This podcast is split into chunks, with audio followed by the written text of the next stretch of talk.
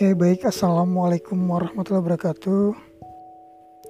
Alhamdulillahirrahmanirrahim Wassalatu wassalamu ala asrofil anbiya wa mursalin. Sayyidina wa maulana Muhammadin Wa ala alihi wa ajma'in nama badu.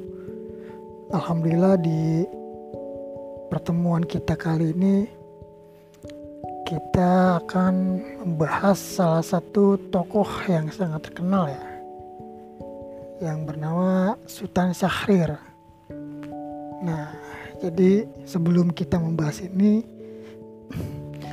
ya saya melihat bahwa situasi hari ini, ya ini ya terasa panas gitu kan, di mana memang kalau kita lihat di media sosial itu antara hujatan dari berbagai lapisan masyarakat ya bermunculan yang di mana mereka saling gitu kan menghujat dengan vulgar. Nah, kemudian ditambah lagi kondisi politik yang hari ini memang terlihat bahwasanya ini ya banyak penolakan terhadap suatu undang-undang seakan-akan memicu apa ya? Memicu keresahan yang berimpact pada berjalannya demonstrasi. Nah ini akhir-akhir ini seperti itu kan kondisinya. Dan juga uh, saya melihat bahwasanya pemuda hari ini tuh lebih senang kepada ini ya uh, dunia-dunia politik disibukkan seperti itu. Nah, kalau misalkan di Jepang itu mereka sibuk dengan sains, ilmu pengetahuan, kalau di kita nih aktivis-aktivisnya, mudanya uh, senang berpolitik. Nah, jadi ya tentunya itu sah-sah saja. Namun tentu dari segi dasar keilmuan itu harus kuat juga sehingga melahirkan sebuah gagasan-gagasan baru. Bahkan ketika mereka terjun dalam demonstrasi-demonstrasi itu, ia membawa suatu ide gagasan yang orisinil. Nah, sehingga tinjauannya itu penyampaiannya tidak hanya sebatas masalah. Kan hari ini masalah yang dibicarakan adalah masalah bukan akar masalah. Sehingga menyebabkan ya sifatnya ini ya uh, tambal sulam saja. Nah kalau misalkan kita ini ya sakit muntah-muntah tentu yang harus diobati itu dari dalam bukan mengelap muntahnya. Pun kalau pohon itu kalau sudah banyak tumbuh parasit sehingga sulit untuk dia berkembang, tumbuh dan berkembang, ya maka harus dicabut dari akarnya. Nah itulah yang di mana pentingnya kita mempelajari sejarah itu.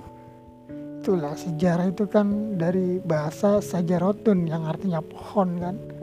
Pohon itu ada akar, batang, cabang, ranting, buah. Nah, kalau misalkan buah yang busuk saja yang kita ambil dan kita buang, ya tentu kalau misalkan pohonnya tidak dirawat ataupun mungkin tidak diganti dengan pohon yang baru yaitu sulit akan menghasilkan buah yang busuk juga. Nah artinya apa? Ya, maksudnya bukan berarti kita mengganti tatanan yang sudah ada namun kita mencari akar permasalahannya di mana kan seperti itu.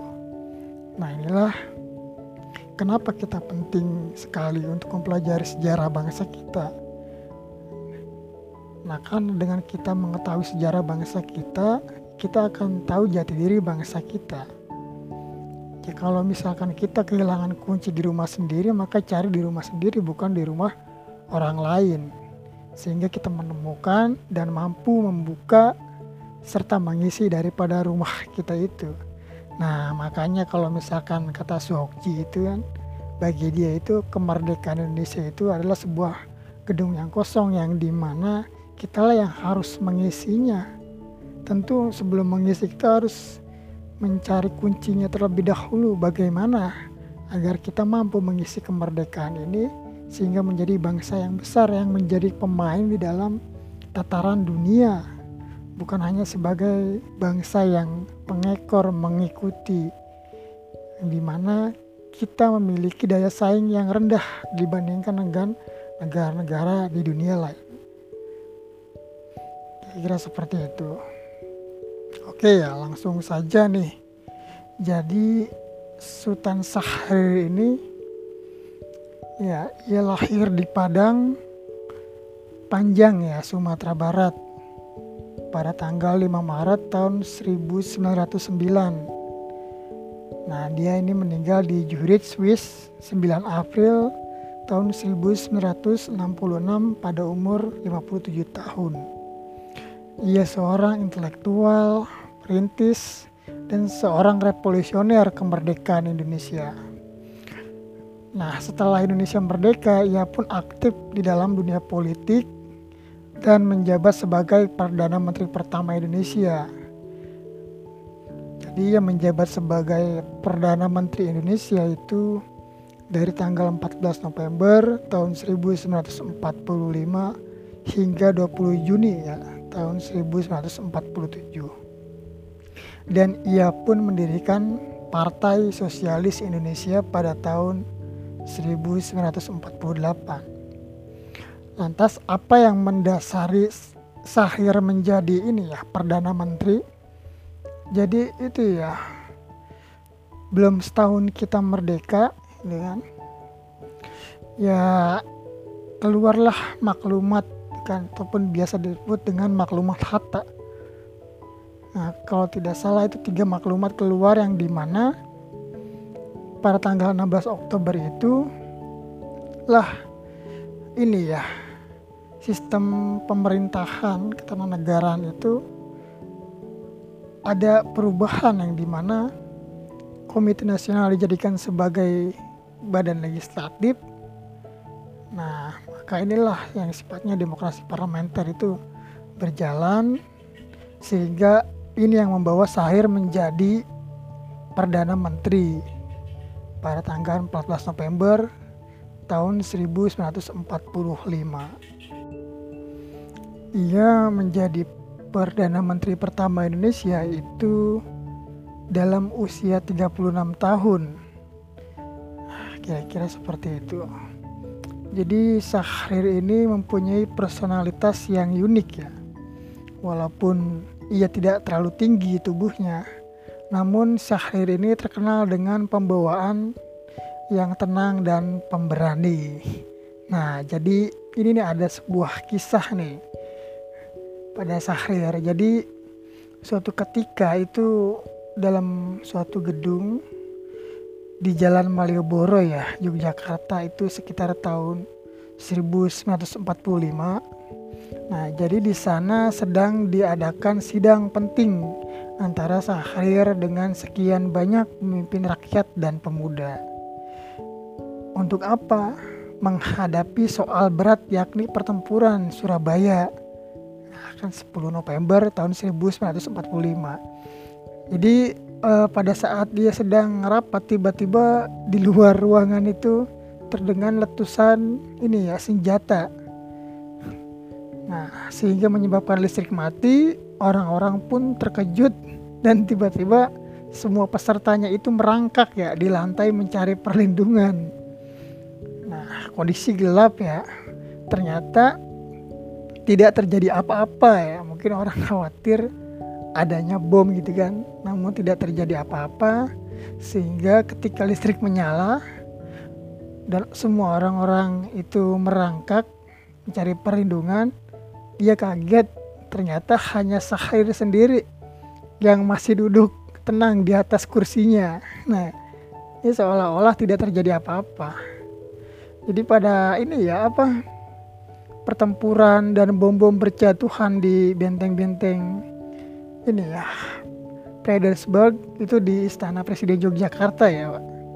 Ini Belanda menyerang jadi orang-orang itu pada lari panik dan juga ketakutan ya. Namun ternyata Sahri ini saking tenangnya ya hanya masuk kamar ya walaupun deg-degan namun ternyata dia masuk kamar lalu kemudian ia dilanjutkan dengan mengambil nasi ya dan makan gitu kan nah inilah jadi pembawanya sangat tenang itu apa ya kisahnya ada juga yang lucu ya sedang terjadi pemboman dia ini ya sempatkan untuk tenang dan untuk makan nasi namun ini yang penting itu salah satu jasanya ialah bahwa Syahrir ini selain tetap tenang, jiwanya selalu hadir.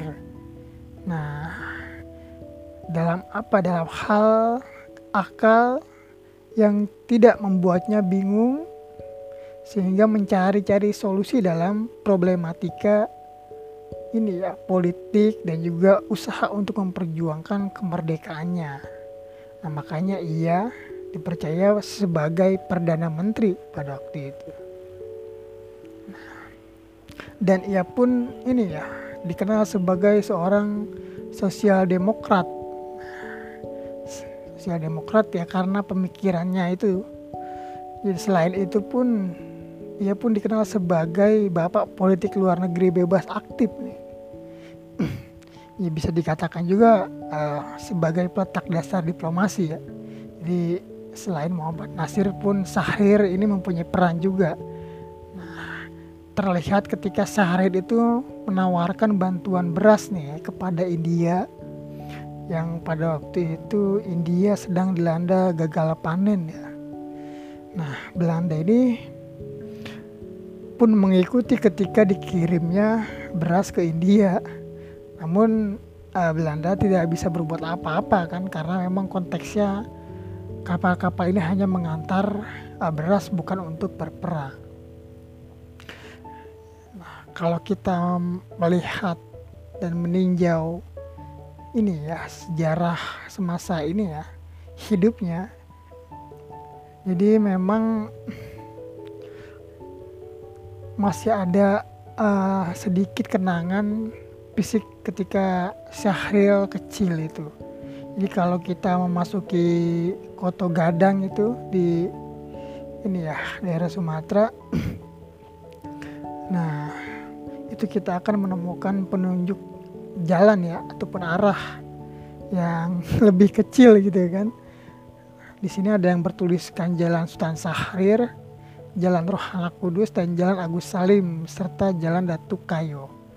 Nah, di sini Syahir itu merupakan putra dari Muhammad Rasyad Maharajo Sultan yang di mana emang ya berasal dari Koto Gadang ya sementara itu ibunya uh, Robiah dari Natal Sumatera Utara. Nah jadi Sahir ini memang ini merupakan seorang keturunan yang di mana uh, hidup dalam lingkungan keluarga yang sifatnya pemikirannya modern. Seperti itu dan itu pun uh, dikatakan oleh beberapa pakar sejarawan.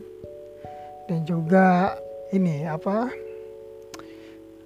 sejarawan dari Universitas Negeri Padang ya kalau tidak salah itu yang di mana uh, cakrawala intelektual Sahrir ini ya memang tidak terlepas dari latar belakang keluarga ayahnya kan yang modern. Lebih tepatnya seperti itu nah jadi ia juga nih uh, sempat berperan di dalam Kongres Pemuda 2 tahun 1928 jadi ia sempat mencuri perhatian nih para utusan yang datang dari berbagai daerah di Nusantara ya. Walaupun memang perawakannya kecil dan waktu itu usianya masih 19 tahun. Nah, dibandingkan dengan para pemuda lainnya seperti Muhammad Yamin dari Jong Sumatera, kemudian uh, Sugondo dari Jong Japa, ataupun ini ya Mister Sunario dari utusan kepanduan. Nah jadi Sultan Sahir ini uh, memang kalah populer ya dibandingkan mereka dan mungkin tidak terlalu berperan banyak tapi ini ya pada waktu itu ia Sahrir ini mewakili Young Indonesia ataupun pemuda Indonesia yang di mana oleh uh, pemuda Indonesia itu oleh Young Indonesia ia dikenal sangat cerdas nah seperti itu dan di Kongres Sumpah Pemuda ini pula Sahrir ini ia pertama kalinya nih bertemu dengan Amir Saripudin dari Jong Batak. Ya memang keduanya pada waktu itu tidak saling dekat ya. Namun justru karena takdir inilah itu kan yang mempertemukan sehingga e, berapa tahun kemudian 20 tahun kemudian itu Sahrir dan Amir Saripudin itu bekerja sama.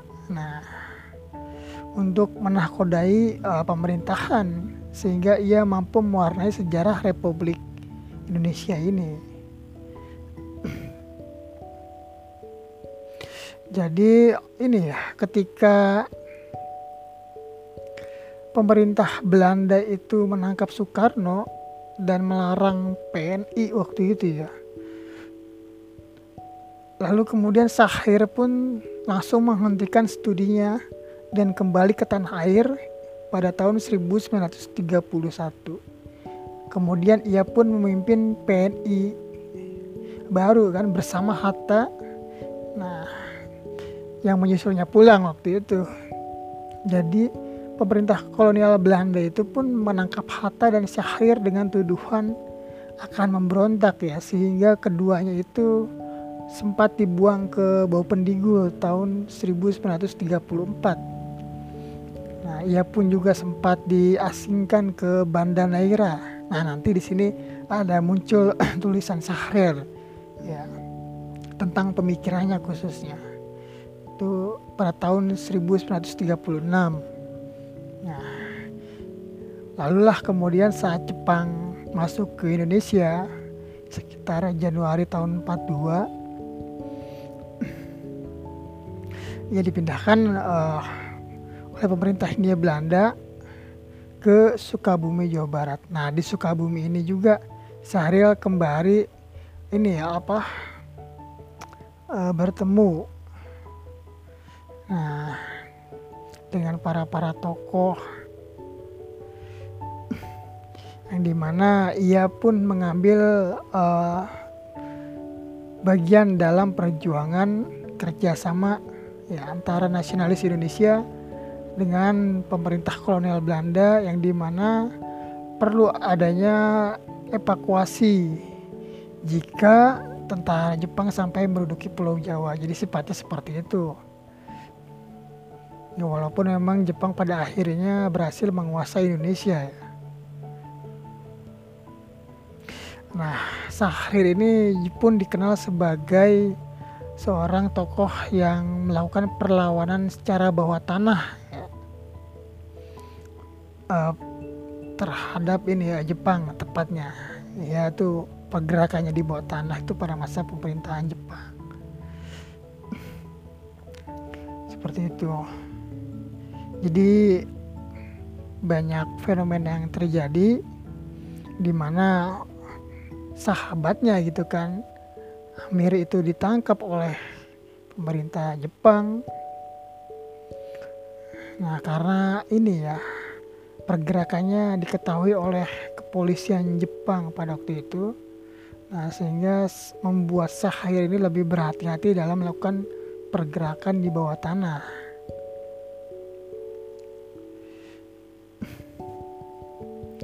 nah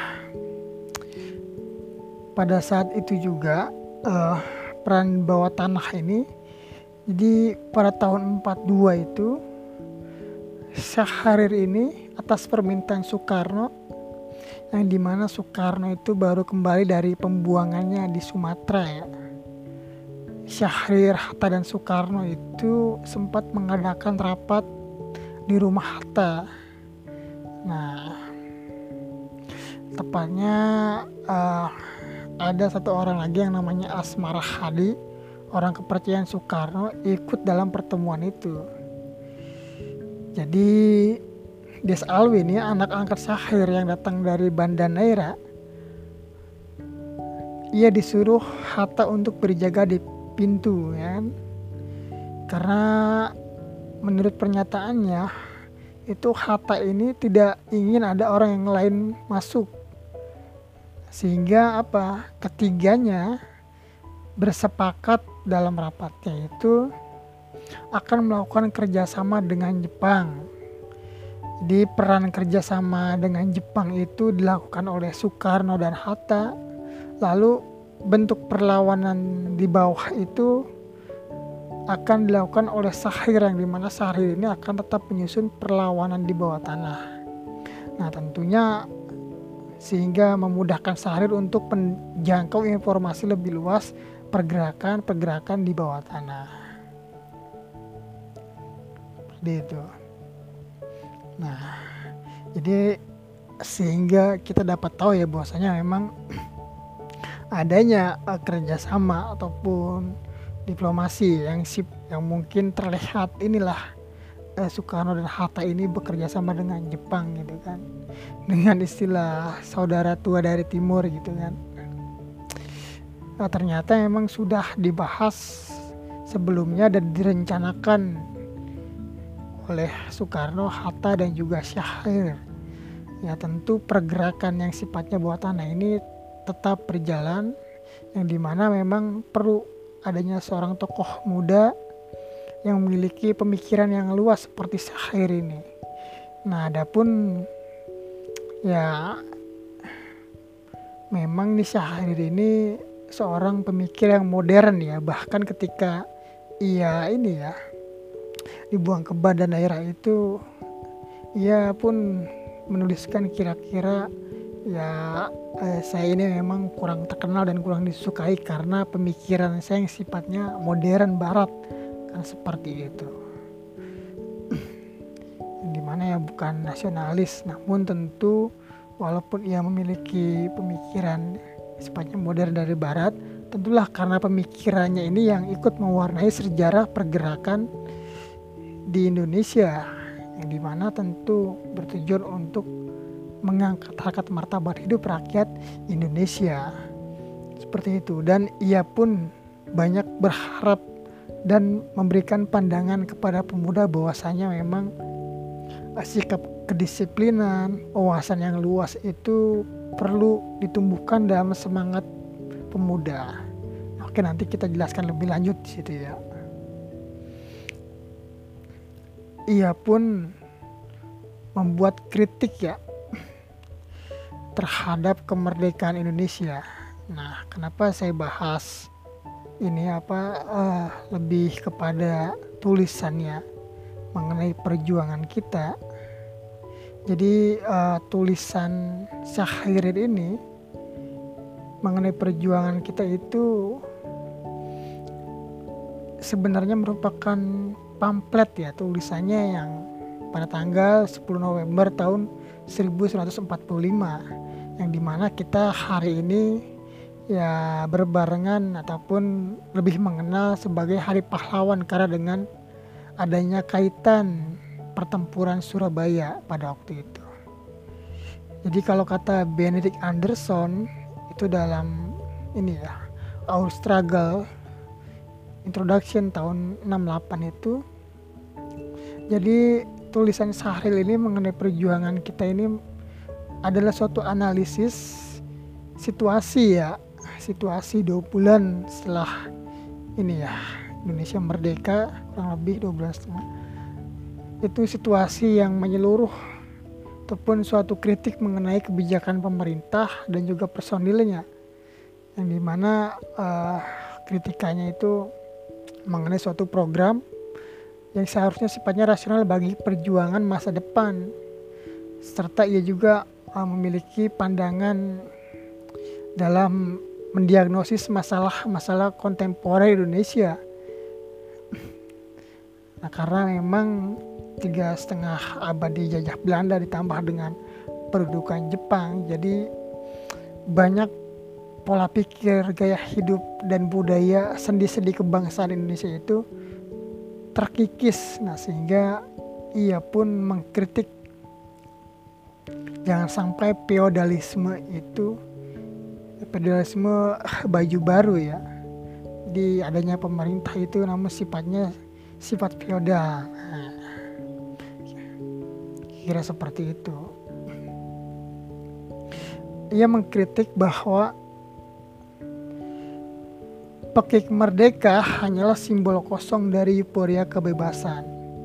Proklamasi 17 Agustus tahun 1945 menurutnya hanya sebagai peluang awal menyusun kekuasaan, tapi tak dipakai oleh para pemimpin dikarenakan mereka oleh Syahir disebut sebagai orang-orang yang terbiasa tunduk kepada Jepang dan Belanda ia tidak hadir pada saat Soekarno-Hatta membaca ini ya pernyataan Indonesia Merdeka. Nah, pada saat pembacaan proklamasi kemerdekaan Indonesia. Jadi uh, kata Syahrir, bagi rakyat jelata nyata bahwa semboyan merdeka itu tidak saja berarti negara Indonesia yang berdaulat, pun tidak pula saja bendera merah putih baginya sebagai simbol persatuan dan cita-cita bangsa dan negara. Akan tetapi, terutama kemerdekaan ialah kemerdekaan dirinya sendiri dari sewenang-wenang, dari kelaparan, kesengsaraan, dan merah putih baginya terutama simbol perjuangannya itu ialah perjuangan kerakyatan. Nah, jadi sifatnya itu semboyan kemerdekaan itu bukanlah euforia ya. Tapi apa esensi, makna, isi dari kemerdekaan itu? Nah, apakah memang kemerdekaan itu sudah itu kan mencukupi kesejahteraan, sudah adil, tidak sewenang-wenang, sudah tidak ada lagi rakyat kelaparan dan sengsara akan hidupnya.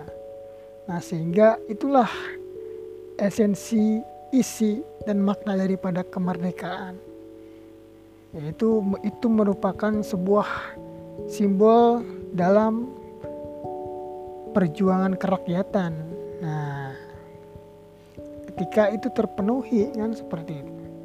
Hari ini kan kita setiap tanggal 17 Agustus merayakan hari ulang tahun Republik Indonesia itu kemerdekaan ya di mana memang kita perlu menilik juga apakah hari ini kita benar-benar merdeka dengan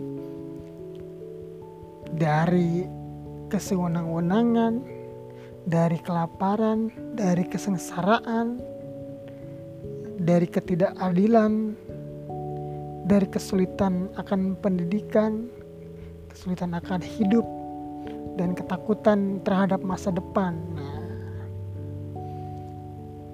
yang di mana memang tentu isi dari kemerdekaan itu ialah sangat penting dibandingkan dengan simbolnya. Simbol itu ya sifatnya hanya memacu semangat, namun isi kemerdekaanlah yang sebenar-benarnya. Ya, jadi kalau kata para sufi itu yang nampak itu bukanlah hakikat yang sebenarnya, tetapi di balik yang nampak itulah adalah hakikat yang sebenarnya. Jadi istilahnya yang di permukaan simbol ini ya itu hanya sebatas simbol, tapi di dalam simbol itulah yang sebenarnya hakikat sebagai bangsa yang merdeka itu apakah sudah terpenuhi, tercapai. Nah, jika belum maka laksanakanlah dengan amanat daripada penderitaan rakyat Indonesia sehingga ia benar-benar menjadi bangsa yang merdeka seperti itu. Ini ketika di Banda Nera Sahir menulis ya seperti yang tadi sempat sedikit saya sampaikan. Kata Sahir, aku relatif kurang populer di kalangan orang-orang nasionalis dan intelektual di Indonesia ini untuk sebagian besar disebabkan karena aku mempunyai apa yang disebut mereka itu kecenderungan-kecenderungan barat. Dan beberapa orang malahan mengatakan aku ke Belanda-Belandaan. Jadi karena memang sifat pemikiran dan wawasan pengetahuan sahih ini tidak terlepas dari pengaruh para filsuf, para uh, politik dari bahan bacaan barat yang sifatnya itu demokratis, sosial demokratis, nah maka cenderung ini ya aktualisasi aktualisasinya ya didasarkan pada teori-teori itu. Namun tentu ia mempunyai standar sendiri dan tidak bisa juga ia berkata bahwasanya memang tidak bisa juga disamakan dengan uh, perjuangan kerakyatan di negara-negara lain seperti itu. Namun ya itulah banyaknya itu kan ya orang yang menganggap bahwa sahir ini memiliki kecenderungan-kecenderungan barat. Nah,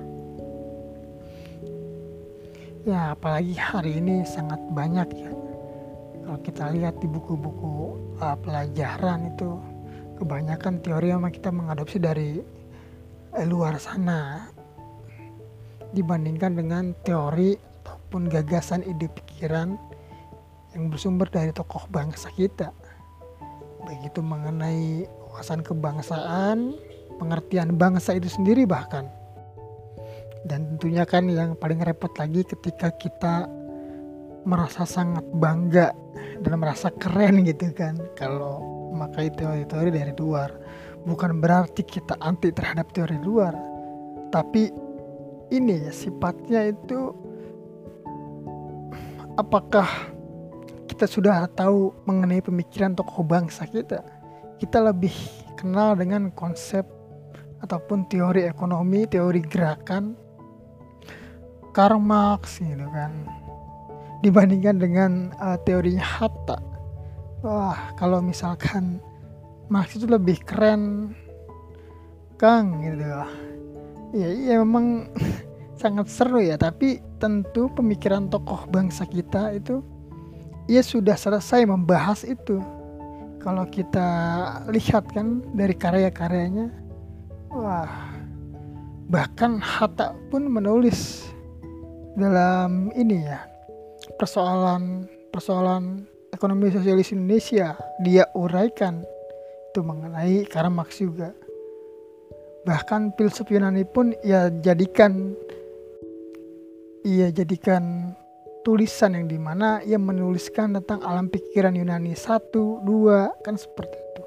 Artinya memang ia sudah mengkaji dalam nah sehingga ia melahirkan gagasan-gagasan ide untuk membangun Indonesia yang sifatnya itu cocok di bumi pertiwi kita, negara kita. Kalau misalkan ya kita inilah menanam padi di pinggir pasir pantai kan tentu tidak akan tumbuh kan seperti itu. Nah maka dari itulah perlu adanya standar standar pembangunan lingkungan sehingga dari lingkungan ini akan mempengaruhi pola pikir. Pola pikir ini akan melahirkan sebuah gagasan yang cocok untuk lingkungannya, tidak bertentangan dengan ini ya sifat kebiasaan masyarakat, bahkan mampu menstandarkan etika budaya masyarakat dan apa sesuai dengan lingkungan baik itu sumber daya alamnya, dengan ya dan lingkungan sumber daya manusianya seperti itu tidak ada lagi istilahnya klaster-klaster yang di mana menghilangkan sifat gotong royong asli dari bangsa Indonesia itu sendiri. Nah, inilah yang dikritik Hatta bahwa ia ingin menaikkan apa ya tingkat gotong royong itu ke tahap yang lebih modern. Begitupun uh, Syahrir. Nah, makanya ia banyak gagasan-gagasannya dan kritiknya yang di mana sifatnya itu untuk mengingatkan kepada para pemimpin lainnya. Oke, kita lanjut. Jadi kondisi masyarakat ini ya Indonesia ataupun Hindia Belanda dua bulan setelah kemerdekaan itu memang uh, terjadi traumatik ya masyarakat yang di mana oleh penjajahan Belanda tiga setengah abad. Lalu kemudian ditambah juga oleh penjajahan Jepang tiga setengah tahun yang di mana pada masa Jepang ini dijadikan sebagai pekerja paksa ya. Sehingga menimbulkan uh, traumatik yang sangat mendalam dan terjadinya pergeseran budaya itu kan pergeseran pola berpikir yang sifatnya tadinya agamis sehingga menjadi materialis kan seperti itu serta terjadinya kegelisahan akan pencarian uang gitu karena memang sendi kehidupan desa itu sudah dirusak yang di mana menimbulkan kesulitan di desa-desa sehingga banyak orang lari ke kota untuk menghindari kelaparan yang ada di desa. Ini sangat memprihatinkan ya. Kondisi pada awal-awal kemerdekaan itu yang memang benar-benar kita itu bertahan hidup ya. Selain bertahan merdeka itu kita bertahan hidup masyarakat pada waktu itu. Nah, ditambah lagi para pemudanya ini ya karena itu dampak dari kerja paksa sehingga terjadinya pola berpikir oleh para pemudanya ya entah itu pemuda kelas menengah ke bawah bahkan pada kelas menengah ke atas itu akibat propaganda Jepang sehingga ia meniru gaya hidup Jepang ataupun bangsa Eropa. Nah, hari ini ya kita banyak meniru gaya hidup bahkan gaya berpikir bangsa-bangsa lain ya yang di mana dari segi berpakaian dari segi pergaulan hidup terutama lah ya yang sangat berpengaruh dalam pembentukan karakter itu mengenai ya hidup penampilan. Ya akhirnya kita menjadi fanatisme terhadap idola-idola kita di luar kan seperti itu. Nah mungkin di sini banyak nih para pemuda-pemuda terutama perempuan yang sangat ngepen sama jongkok ya. Sama jongkok ini kan artis dari luar sana ya. Akibat akibat ini ya pengaruh film kemudian menjadi fans fanatik. Nah sehingga gaya berpakaian gaya makan bahkan uh, bicara pun meniru-niru. Ya, kalau misalkan bahasa itu ya menjadi suatu inilah uh, keren sifatnya gitu. Karena kita akhirnya dapat dapat tahu dan mengerti bahasa dari luar negeri sehingga kita memudahkan sekali ketika mencari literatur wawasan pengetahuan yang di mana berasal dari negara-negara lain. Nah itu seharusnya digunakan seperti itu.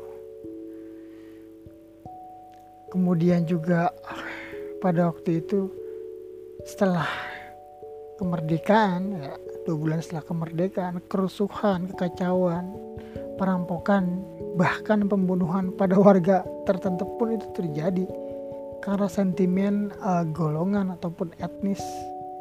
Nah bahkan strata sosial akhirnya mereka kecewa lalu melampiaskannya. Selain itu pun terjadi ini ya bahaya krisis kesadaran politik pada pemuda yang di mana ia merasa aman nyaman dengan gaya hidup dan sifat feodalnya itu akhirnya menjadi tumbuh kembali.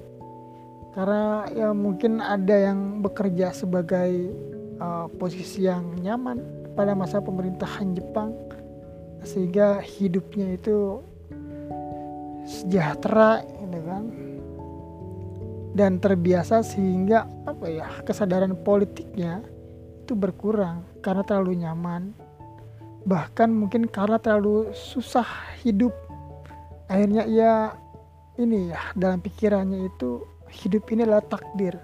Hidup susah kelaparan. Pasca kemerdekaan itu adalah takdir yang di mana biarinlah di dunia ini susah yang penting di akhirat itu jaminannya surga. Nah itu yang repot. Kesadaran magis ya. Sehingga daya kritisnya itu kesadaran berjuangnya berkurang nah ini yang bahaya nih. Karena memang mereka disibukkan untuk bekerja. Bekerja dulu ya mungkin di lahan perkebunan Belanda yang ada di Nusantara. Pada masa Jepang ya tinggal bekerja di kebun ini ya pemerintahan Jepang. Bahkan membuat jalan-jalan seperti itu. Untuk akses perdagangan memudahkan Jepang membawa ini ya, hasil bumi ke daerah tertentu sebelum dibawa ke luar negeri. Nah, lalu ada faktor lain yaitu pendidikan politik yang di waktu zaman jajahan Belanda itu memang sudah sangat kecil ya tipis bukan pendidikan politik nah di zaman jajahan Jepang ini sama sekali tidak ada jadi jiwa pemuda itu dibentuk untuk dapat menerima perintah saja nah, patuh terhadap perintah tidak ada lagi selain itu untuk tunduk dan mendewa-dewakan ya seperti orang Jepang yang memang tunduk kepada Tenohika nah, dan mendewa-dewakannya. Nah, inilah seperti ini sehingga uh, timbullah bahaya krisis kesadaran politik pada pemuda. Ya hari ini uh, walaupun memang ada itu kan beberapa pemuda ataupun kelompok organisasi yang aktif dalam dunia politik namun tidak kalah banyak juga yang sifatnya apatis bukan hipokrit terhadap keadaan Indonesia hari ini. Nah ya kira-kira memang apa ya sifatnya sama gitu kan bahaya kesadaran politik ini. Namun bentuknya zamannya saja yang berbeda. Kan seperti itu. Yang lebih repot lagi tidak peduli terhadap kondisi ini ya. Kondisi bangsa tidak ped, ini ya tidak peduli juga kepada ilmu pengetahuan. Kan seperti itu. Nah akhirnya seumpama orang yang sedang duduk. Nah iya bingung nih ini mau duduk apa mau berdiri nih? Duduk atau berdiri kan seperti itu. Akhirnya ya menerima kondisi itu dengan datar saja dan menganggap bahwasanya hidup ini hanya untuk bekerja. Nah, sehingga menghilangkan esensi pengabdian abdinya sebagai anggota masyarakat pun abdinya sebagai hamba Tuhannya kan seperti itu. Nah, Sahir pun menjelaskan tentang keadaan sehabis Perang Dunia Kedua yang di mana kesudahan peperangan dunia kedua ini meninggalkan di dunia itu tiga kekuasaan militer dan ekonomi yang menentukan segala-galanya. Negara ini di antaranya Amerika Serikat, Inggris, dan Soviet ataupun Rusia. Jadi kerobohan ekonomis di bagian terbesar di dunia ini merupakan dirinya juga sebagai kekacauan serta pertentangan-pertentangan politik yang tajam. Nah, desakan dari pihak kaum buruh untuk merubah sendi-sendi masyarakat kapitalis dan menjadi masyarakat sosialis bertambah deras akhirnya. Sebaliknya pihak yang berpegang pada sistem lama, ya meskipun terdesak, dia mencari segala jalan untuk memperkuat kedudukannya dengan niat menyempurnakan sistem kapitalisme dan imperialisme. Jadi kata Sahril, kita menghadapi juga suatu macam imperialisme baru. Nah ini nih. Jadi Sahril sudah mempunyai ini ya pandangan ke depan bahwasanya kita itu menghadapi suatu macam imperialisme baru. Kita hidup sekarang ini di dalam zaman yang menentukan sistem mana yang akan meluas dan akhirnya menentukan nasib kemanusiaan yaitu kapitalisme atau sosialisme. Nah, ini apa perang dunia kedua ini memang ah, bisa dibilang ya perang dingin antara dua ideologi besar ya. Yang di mana memang ya, walaupun dua ideologi besar tapi ya sifatnya imperialis dia. Karena ingin menguasai. Kalau misalkan sudah imperialis sudah pasti ia kapitalis. Kan seperti itu. Perlombaan dan pertarungan dua aliran dan kekuatan ini akan membuat pertarungan politik dunia terus menerus Nah, kita akan mengalami krisis politik terus-menerus. Mungkin di dalam depresi ekonomi terus untuk sementara dengan kemungkinan pada pertarungan-pertarungan dan mungkin juga peperangan-peperangan baru dunia. Nah, kondisinya memang seperti itu ya.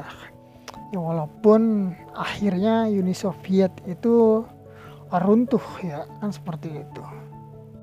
Nah, ketika bubarnya Uni Soviet ini inilah menandakan bahwasanya perang dingin ini berakhir nah, sehingga memunculkan tatanan dunia yang baru kan seperti itu kalau Bung Karno itu kan memang sudah berpidato kan to build the world new membangun tatanan dunia baru nah itu jauh sebelum Uni Soviet ya jauh sebelum Uni Soviet itu runtuh jadi konsepsi membangun tatanan dunia baru itu Soekarno pernah menawarkan. Nah, kira-kira seperti itu. Sahir pun berbicara mengenai revolusi kerakyatan. Menurutnya, revolusi kita ini yang keluar berupa revolusi nasional.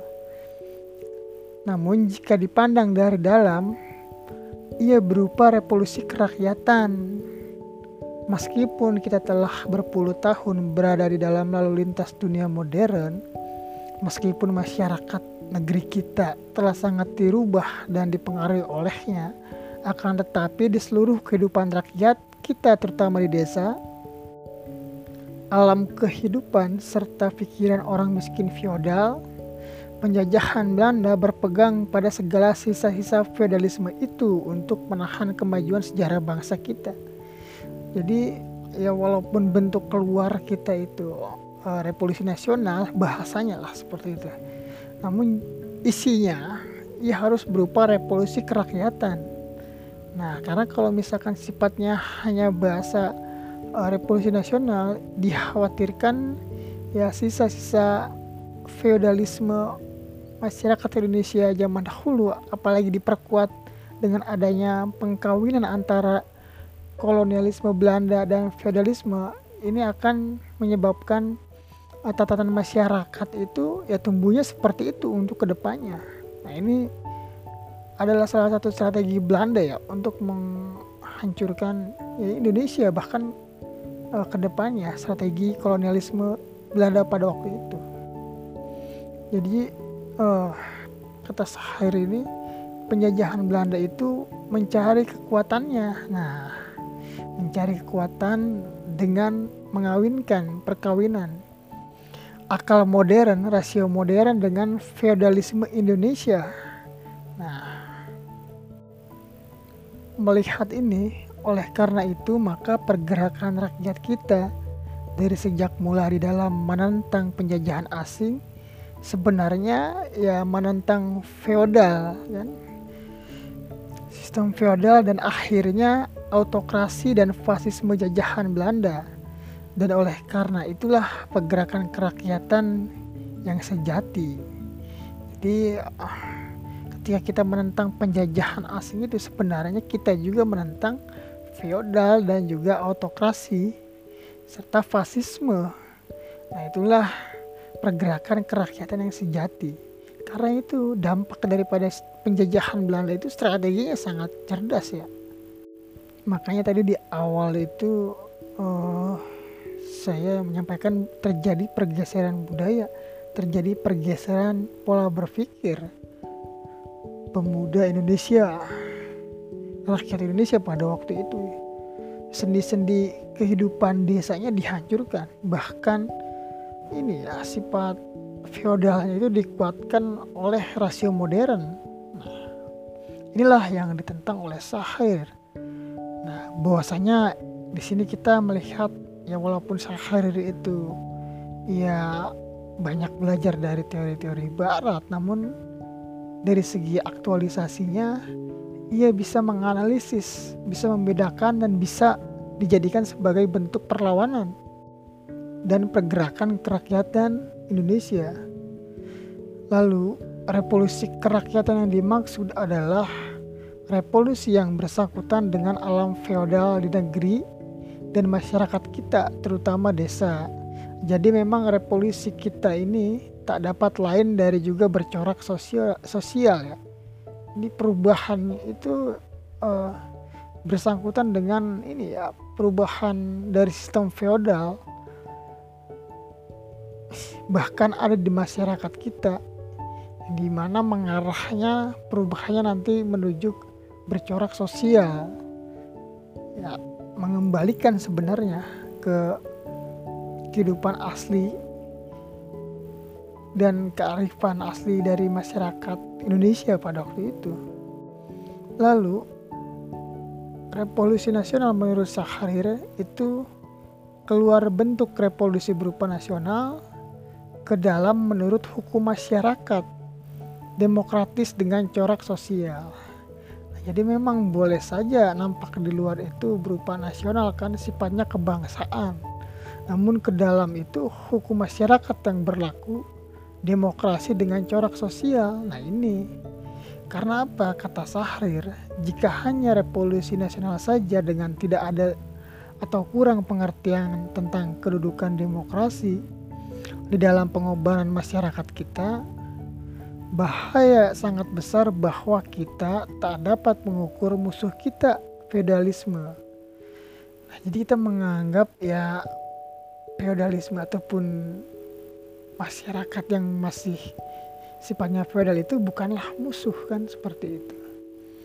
Sehingga kita justru malah berkawan dengan semangat feudalisme yang masih hidup sesuai dengan semacam nasionalisme menjadi nasionalisme yang mempunyai semacam solidarisme. Akhirnya menjadi solidarisme feodal ya, yang hierarkis. Jadi istilahnya ya udah ini masih temen nih, ini masih saudara. Nah akhirnya pemerintahan itu diisi oleh ini ya ampuh anak menantu ponakan ipar saudara semuanya. nah bagaimana dengan hari ini? Nah hari ini terjadi terjadi maksudnya di sana ya di negara lain bukan Indonesia. ya solidarisme feodal dalam memimpin pemerintahan. nah kalau sudah seperti ini mau tidak mau ia menjadi fasis gitu kan alias ia menjadi musuh kemajuan dunia dan rakyat yang sebesar-besarnya kan seperti itu. Nah, mengukuhkan kekuasaannya. Ini seperti ini kondisinya sudah dibaca oleh Sahrir ya. Dampak-dampaknya seperti apa. Kata Sahrir, revolusi nasional itu hanya buntutnya daripada revolusi demokrasi kita. Bukan nasionalisme harus nomor satu, akan tetapi demokrasi. Di sini berarti bukanlah revolusi nasional, chauvinis. Nah ini jadi maksud Sahir itu revolusi kita itu bukan revolusi yang chauvinis yang menganggap bangsa kita itu bangsa yang paling besar, yang paling mulia kan dibandingkan dengan bangsa-bangsa lainnya. Seperti halnya yang dibawa oleh Hitler dan Mussolini kan. Ya, memakai ras ataupun Arya yang di mana menganggap bahwasanya iya yang paling uh, besar, yang paling istimewa yang dipilih oleh Tuhan bahkan kan? Nah kalau kita dalam Islam itu kan jelas di dalam Al-Quran itu bahwasanya ya bangsa Arab itu tidak lebih mulia dibandingkan bangsa asing. Karena yang eh, sama kan seperti itu namun tingkat ketakwaan keimanan yang membedakannya. Dan itu berarti apa? Urusannya dengan Tuhannya kan? Kalau antara sama manusia ya sifatnya ya sama tidak ya lebih uh, besar lebih uh, mulia dibandingkan karena ketaatannya pada Tuhannya. Seperti itu. Nah makanya nanti ada konsep ini bangsa sendiri pengertian bangsa, bangsa sendiri menurut Ki Bagus Adikusumo oke nantilah itu kita bahas apa sih bangsa menurut Ki Bagus Adikusumo itu di podcast selanjutnya Oke kita lanjut Sahrir pun berbicara mengenai revolusi dan pembersihan. Jadi kata Sahrir itu revolusi dan pembersihan nih konteksnya di sini. Jadi ini antara revolusi kerakyatan, revolusi nasional dan revolusi di sini ialah merupakan bentuk ragam revolusi menurut Syahrir ya. Jadi dalam pandangannya mengenai revolusi dan pembersihan ini bahwa negara Republik Indonesia yang kita jadikan alat dalam revolusi rakyat kita harus kita jadikan alat perjuangan demokrasi dibersihkan dari sisa-sisa Jepang dan fasismenya nah, jadi jelas bahwasanya memang oh ini ya perjuangan dalam membersihkan fasisme feodalisme. Ya sisa kolonialisme itu memang harus dilaksanakan oleh pemerintah negara kan seperti itu. Beserta elemen masyarakatnya. Maka negara itu menjadi alat bagi rakyat untuk menegakkan kedaulatannya kan seperti itu. Lalu ia berbicara mengenai revolusi dan partai ini jadi uh, wadah dalam revolusi itu ia harus ada partai menurut Sahrir kan? Yang di mana partai itu mempunyai ideologi yang jelas mempunyai teori dan wawasan yang lengkap disiplin berorganisasi modern dan efisien. Nah, jadi jelas nih partai itu harus ya mempunyai ideologi. Ya kalau sekarang itu kan ideologinya apa uh, Pancasila kan seperti itu mempunyai teori dan wawasan yang lengkap. Jadi jelas harus mempunyai kompetensi dalam bidang uh, teori dan wawasan yang luas. Lalu ia mempunyai sikap disiplin, modern dan efisien dalam hal kerja. Nah, ini standarnya sangat bagus ya dari Syahir ini. Memang pada hakikatnya harus seperti itu. Makanya dulu itu partai sebagai alat perjuangan untuk mengakomodir rakyat, kekuatan rakyat untuk mencapai kemerdekaan. Nah, ketika ini ya awal kemerdekaan pun untuk mempertahankan kemerdekaan yang memang walaupun ini ya apa terjadi ini juga kondisi yang di mana bergejolak pada waktu itu Lalu revolusi dan pemerintahan. Nah, pemerintahan itu harus demokratis. Kemudian pemerintahan itu harus membangunkan Dewan Perwakilan Rakyat dari desa ke puncak pemerintahan. Jadi Dewan Perwakilan Rakyat itu berasal dari desa ke puncak pemerintahan. Nah, jelas nih. Lalu kemudian demokratisasi alat-alat kekuasaan. Jadi alat-alat kekuasaan itu perangkat negara itu ya sifatnya harus didemokratisasikan. Bisa digunakan oleh masyarakat bila diperlukan. Dan sifatnya itu dalam hal diskusi musyawarah harus demokratis. Lalu di sini pun opsinya Pangreh Praja Lama diberi kedudukan sebagai pengawas polisi agraria dan sebagainya jadi masih dimanfaatkan ilmunya keterampilannya lalu memperjuangkan isi kemerdekaan di sini. Nah, jelas nih bahwa kemerdekaan itu isi kemerdekaannya harus diperjuangkan. Negara Republik Indonesia yang kita perjuangkan sebagai alat di dalam revolusi kerakyatan kita mendapat harga yang penuh jika kita isi dengan kerakyatan yang tulen. Nah, bagi kita, kemenangan yang berarti itu ialah kemenangan yang berisi bukan kemenangan nama dan kehormatan semata saja. Negara Republik Indonesia hanya nama yang kita berikan pada isi yang kita maksudkan dari kehendak itu. Jadi awalnya itu ialah isinya. Nah, nama itu ialah apa ya? Uh, sifatnya hanya nama yang kita berikan pada isi Nah, jadi adanya nama itu tentu harus ada isi. Adanya ini ya uh, nama nama saya ataupun nama uh, kamu lah itu kan tentu karena eksis kamu itu eksis misalkan ya saya Panji ini Panji itu sebuah nama namun Panji itu uh, eksis ya karena ya sifatnya eksis ada gitu kan. Nah jika isinya tidak ada makanya sebuah nama saja kan tinggal batu nisan kan seperti itu. Ini jangan sampai kemerdekaan kita itu tidak eksis isinya. Inilah ia mampu berpikir mendalam ya sahir ini jadi harus diperjuangkan isu kemerdekaan itu. Makanya pertanyaan hari ini yang mungkin dari saya ya harus kita isi dengan apa kemerdekaan kita hari ini? Nah itu kembali bagaimana aktualisasi diri sendiri. Bagaimana kemampuannya kan seperti itu. Lalu kondisi pada waktu itu ya uh, terhadap pembencian bangsa asing karena kita terlalu lama dijajah, Sahir pun berpendapat nih.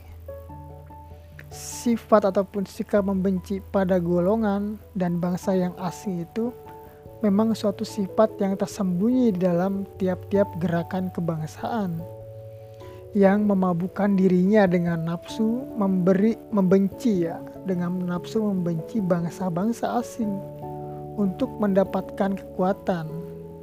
Nah, namun niscaya pada akhirnya akan berhadapan dengan seluruh dunia dan kemanusiaan. Jadi pada dasarnya ya, ya memang kondisi oh, traumatik sehingga kita membenci bangsa-bangsa lain pada awal kemerdekaan itu ya memang ada dan namun sifatnya itu diam-diam ya uh, diam-diam namun jika selamanya membenci yang di mana zaman berganti waktu berganti generasi berganti ya justru itu akan mempersulit uh, diri sendiri bangsa sendiri rakyat sendiri.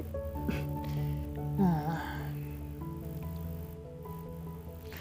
Lalu Sahir melanjutkannya yaitu nafsu kebangsaan yang pada mulanya dapat merupakan suatu kekuatan itu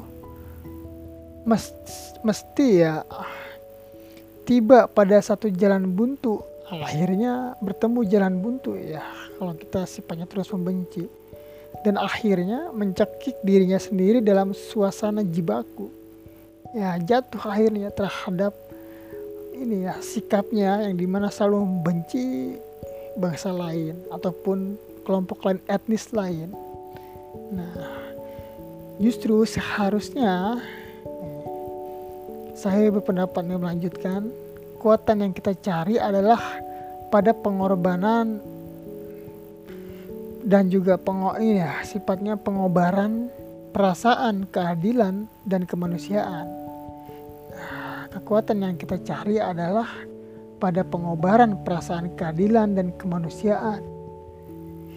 Nah, hanya semangat kebangsaan yang dipikul oleh perasaan keadilan dan kemanusiaanlah yang dapat menghantarkan kita maju dalam sejarah dunia. Jadi perasaan kemanusiaan, keadilan itu human and justice for all kan seperti itu. Keadilan buat semua, kemanusiaan buat semua yang mampu mengantarkan kita dalam ini ya kemajuan sejarah peradaban dunia. Nah, kira-kira seperti ini. Ini luar biasa ini ya merinding saya kalau baca pemikiran tokoh bangsa ini. Dan kebijaksanaan hikmahnya sangat tinggi. Mengutamakan kepentingan orang banyak dibanding dirinya sendiri. Yang di mana sikap-sikap seperti ini harus kita tiru sebenarnya. Dan ya sifatnya ini konsisten seharusnya. Oke kita lanjut. Kaum buruh Sahrir berbicara di dalam perjuangan politiknya, kaum buruh menuntut segala hak kerakyatan yang sepenuhnya. Pun juga dari negara Indonesia, merdeka sendiri hak berbicara, menulis, berkumpul, rapat, kemudian bermogok, kepastian pencaharian, keadaan kesehatan, pelajaran untuk anak-anaknya, ketentuan gaji dan sebagainya. Nah, ini harus diperjuangkan dalam politiknya kaum buruh. Seperti itu. lalu Patani bagi kaum tani kita perjuangkan kemerdekaan ini ya perjuangan kemerdekaan ini hanya akan berarti jika kerakyatan dirasakan oleh para petani kan seperti itu sehingga para petani itu dapat mengecap hasil keringatnya. Hasil keringatnya sepenuhnya dan tidak diganggu oleh rupa-rupa aturan yang dimaksud untuk menyenangkan orang-orang yang memerintah saja. Nah, jadi hasil keringat petani itu dapat dinikmati olehnya kan? Sesuai dengan apa yang menjadi usahanya. Jangan sampai usahanya keringatnya sudah kering namun ia belum mendapatkan hasilnya. Hasilnya tidak seimbang ketika dijual. Beras-beras lebih banyak mendatangkan dari luar dibandingkan dari negara sendiri produksi. Seperti itu kan? Nah lalu pemuda meluapnya semangat pemuda itu tentu disambut oleh masyarakat itu karena memang pada dasarnya ini ya adanya meluapnya semangat pemuda itu karena pada keadaan kondisi masyarakat sendiri. Jadi ketika masyarakat kesulitan, kesusahan, tertindas, terjajah, nah maka timbullah semangat pemuda itu untuk memperjuangkan kondisi nasib masyarakat itu sendiri. Nah, ini akhirnya saling sinkron ya seperti itu. Lalu tentara negara Republik Indonesia yang kita perjuangkan sebagai alat di dalam revolusi kerakyatan kita mendapat harga yang penuh. Jika kita isi dengan kerakyatan yang tulen, bagi kita kemenangan yang berarti itu ialah kemenangan yang berisi bukan kemenangan nama dan kehormatan semata saja. Negara Republik Indonesia hanya nama yang kita berikan pada isi yang kita maksudkan dan kehendak kan itu ya. Jadi sifatnya ini ya, pada dasarnya tentara ini ialah berasal daripada rakyat itu sendiri. Artinya bukan ia mencari sebuah kehormatan sebagai ini ya, ya tentara ataupun pihak keamanan. Namun justru kehormatan itu ketika ia mampu mengabdikan dirinya untuk menjaga masyarakatnya untuk menjaga bangsanya untuk menjaga negaranya Nah, sehingga maksud dari kemerdekaan itu ialah sampai pada isi yang dimaksudkan. Nah, seperti itu. Yang di mana tentu isinya yang utama ialah mengangkat harkat martabat hidup orang Indonesia. Nah, inilah esensinya. Karena apa derajat manusia itu diangkat ya ketika ia berilmu, ketika ia mampu uh, hidup dan mengisi kehidupannya dan ia akhirnya berada di jalan Tuhannya kan seperti itu. Oke mungkin cukup sekian untuk uh, ini ya podcast literasi hari ini. Jadi memang kita itu harus banyak belajar apa-apa dari tokoh bangsa kita, terutama sekali ya mengenai hikmah kebijaksanaannya pengorbanannya, konsistensi dalam berjuang, idealisnya. Dan bahwasanya ya kondisi-kondisi hari ini ya bentuknya saja yang berbeda namun sifatnya sama kan. Seperti halnya gula ya sifatnya sama manis, bentuknya boleh padat, boleh cair kan seperti itu. Nah, bagaimana nih kita hari ini sebagai bangsa yang sudah merdeka tentu isi dari kemerdekaan sifat dari kemerdekaan itu ya harus kita tetap perjuangkan. Jangan sampai ya kita nih hanya sebagai nama saja sudah merdeka. Namun isinya itu ya secara esensi isi dan makna itu ya kita belum merdeka sepenuhnya. Masih banyak masyarakat yang sulit dan kesusahan untuk membeli tanah dan rumahnya. Nah, sehingga apa? Yang mau tidak mau kan kredit seperti itu. Oke semoga bermanfaat. Bila bisa wilhak pasabikul khairat. Wassalamualaikum warahmatullahi wabarakatuh